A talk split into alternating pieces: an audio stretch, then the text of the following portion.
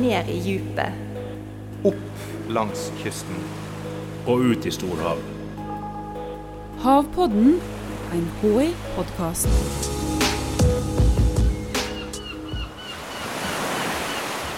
Høye fjell som reiser seg opp av havet. Små, idylliske fiskevær. En sjark som tøffer utover fjorden.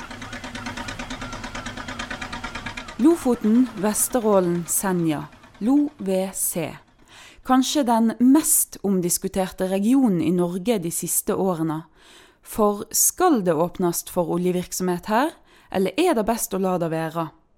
Havforskningsinstituttet fraråder eh, petroleumsvirksomhet i eh, området Lofoten, Vesterålen, Senja.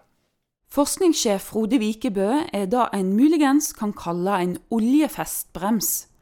For Havforskningsinstituttet sier blankt nei. Vårt råd er på bakgrunn av at dette er et spesielt produktivt uh, område.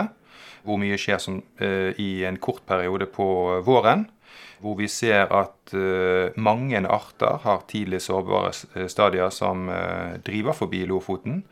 Vi ser f.eks. Um, norsk båregytende sild som gyter ned på Møre.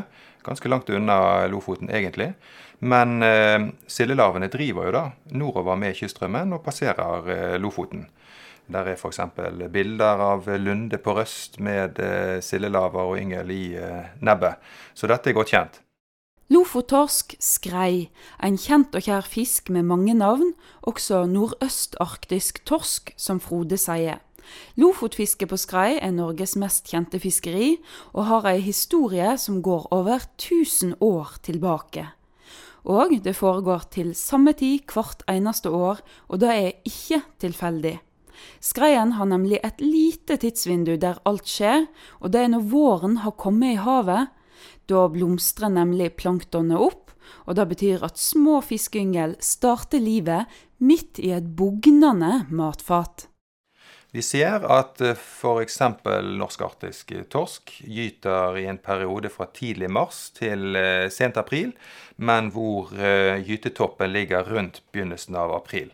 Det betyr at i løpet av uker så bør fiskelavene være til stede i vannsøylen for å kunne spise da, av dette bugnende matfatet.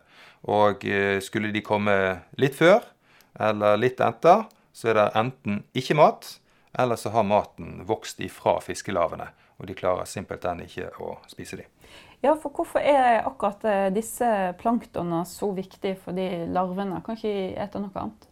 Vi har sett gjennom eh, undersøkelser i felt at dette dyreplanktonet eh, rødåte, som vi sier, som eh, transporteres fra dyphavet og opp på sokkelen, eh, har eh, eh, fettreserver som er spesielt egnet som mat for eh, tidlige stadier av fisk, altså fiskelavene.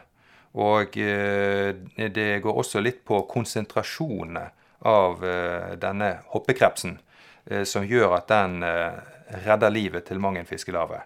Og skulle eh, fiskelavene være i vannsøylen når eh, denne ikke er i store forekomster, så er det eh, lengre mellom hva skal du si, matpakkene, og det er mindre sannsynlig at du får god rekruttering til disse fiskebestandene.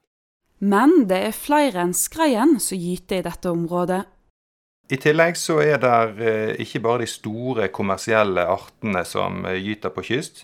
Vi har også betydelige med lokale bestander som eh, befinner seg i et begrenset eh, område. De lokale bestandene er faktisk så lokale at et oljeutslipp vil få enda mer dramatiske konsekvenser for dem enn for andre fisker. Det betyr at uh, arter er genetisk forskjellige og kan ikke nødvendigvis få påfyll av naboen i uh, fjorden uh, like nedforbi. Og eh, det betyr at de er da enda mer sårbare for forurensing. Enn eh, store bestander som f.eks. norsk arktisk torsk, som gyter i et område fra Møre til Finnmarkskysten, selv om det er Lofoten som er hovedgyteområdet. Men eh, hvordan veit havforskningen alt dette du sier? Hvordan veit en det? Vi undersøker økosystemet fra forskningsfartøyer for å skaffe til veie data som viser utvikling over tid. Vi gjennomfører spissede eksperimentelle forsøk i laboratorier. F.eks. eksponering av enten fiskeegg eller larver for kjente konsentrasjoner av olje for å se hvordan det helt konkret påvirker eh, egg og larver. Og eh, vi bygger da numeriske modeller. Altså eh, modeller som baseres på kjente matematiske formler. Som gjør at vi kan tallfeste konsekvenser av uhellsutslipp. Altså scenarioer, som vi kaller det. Inne på laben har havforskerne utsatt fiskeegg og yngel for små doser olje. Oljedosene var like store som ved et utslipp i sjøen. Resultatet viste at egg og yngel blei alvorlig skadd, forteller Frode. Fiskeegg og fiskelarver som eksponeres for uh, konsentrasjoner som disse numeriske modellene forteller oss kan bli en konsekvens av et stort uhellsutslipp, så uh, får de uh, en feilutvikling i hjertet som gir følgeskader. Og disse følgeskadene er da deformert eh, kjeve, f.eks., som eh, gjør det problematisk å spise. Det kan bli deformert eh, ryggrad, som gjør det vanskelig å svømme. Og vi ser også ødemer, eller væskeansamlinger, i kroppen på lavene som gjør det vanskeligere å f.eks. unnvike en predator eller fange et byttedyr, som også kan være ganske raske. Vi ser også i den senere tid at uh, ikke alle konsekvenser av slik eksponering er lett å se med det blotte øyet. Uh, vi har også sett uh, tendenser til atferdsendring. Og når vi vet at kun én av en million torskelaver overlever, så nytter det ikke å være delvis redusert som følge av eksponering for forurensning.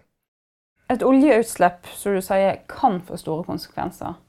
Men oddsen for at det skjer, eh, og da har jo næringa argumentert med at sannsynligheten med dagens gode sikkerhet for at et oljeutslipp vil skje i det hele tatt, det er ikke så veldig stort. Havforskningsinstituttet tallfester ikke eh, sannsynlighetene for disse uhellsutslippene. Men vi sier at så lenge ikke noen kan garantere at dette ikke skjer, så må vi se på konsekvenser av ulike scenarioer. De som eh, fastsetter sannsynlighetene for uhelseutslipp, eh, baserer dette på et begrenset datagrunnlag, som til dels også gjelder for andre områder. Man viser til bl.a. brønnkarakteristikker, som sier noe om reservoartrykk osv., som Havforskningsinstituttet ikke er eksperter på. Så igjen, vi tallfester ikke disse sannsynlighetene. Men vi er med og legger eh, grunnlaget for å vurdere konsekvensene av eh, et uhellsutslipp. Men eh, Norge har jo flere havområder, bl.a. et som heter Nordsjøen. Og Der finnes det både oljeplattformer og fiskebåter. Eh, hvorfor kan ikke en ha dette side om side i nord, sånn som en har det i vest? Vi vet at Nordsjøen er annerledes enn Lofoten-området. I den forstand at det f.eks. ikke er et våroppblomstring på, våroppblomstringssystem på samme måte. Det betyr at ting spres mer ut i tid. Gytingen er ikke like konsentrert. Det er også annerledes eh, i, forhold til utformingen av uh, dette grunne havområdet. Det er da betydelig større enn denne begrensede sokkel i Lofoten. Det betyr at ting er heller ikke like konsentrert i rom. Og eh, alt i alt så er det ikke en ansamling av tidlig sårbare stadier konsentrert i tid og rom som gir eh, større eh, risiko for store konsekvenser av uhellsutslipp. I dag er det ingen konkrete planer om å åpne opp LoVC, men myndighetene ga sommeren 2019 tillatelse til oljeboring ved Træna på Helgelandskysten, litt lengre sør i Nordland. I forbindelse med 21. konsesjonsrunde i 2010 så ga Havforskningsinstituttet et eh, råd om å ikke åpne områdene rundt uh, Træna for uh, oljevirksomhet. Og dette var begrunnet med kjente forekomster av tidlige sårbare stadier. Enten det var fiskelaver, som f.eks. sildelaver, som driver gjennom dette området, og som kan eksponeres dersom uhellet skulle være ute. Men også fordi at det er kjente store forekomster av korallrev der er tallfestet eh, over 1000 korallrev eh, ansamlet i eh, området. Og disse er også anslått til å være flere tusen år gamle. Det betyr at utviklingen, og dermed eventuell restitusjon, vil gå veldig langsomt. Så I tillegg så vil jo da et eventuelt uhellsutslipp fraktes med havstrømmene nordover. Og like nord for Træna ligger som kjent Lofoten. Vi vet også at nyere forskning antyder at korallrevene de er ansvarlig for ca. 30% av omsetningen av alt organisk materiale på bunnen, til tross for at de bare dekker 1% av havbunnen. Altså det er en uh, nøkkelart på sjøbunnen. Ja, man kan nesten se på det som et sånt lite gjenvinningsanlegg på bunnen. Er det et råd en fortsatt står med? Det er jo ni år tilbake i tid. Eh, Havforskningsinstituttet har ikke endret syn på eh, hvor verdifullt dette området er, og eh, hvilke konsekvenser et eventuelt uhelsutslipp kan ha for dette området. Lofoten, Vesterålen og Senja er det viktigste området for norsk fiskeri, og det mest sårbare for oljeutslipp. Havforskerne sitt utvetydige råd er å ikke åpne Lofoten, Vesterålen og Senja for oljeaktivitet. Men den endelige avgjørelsen er det politikerne som tar.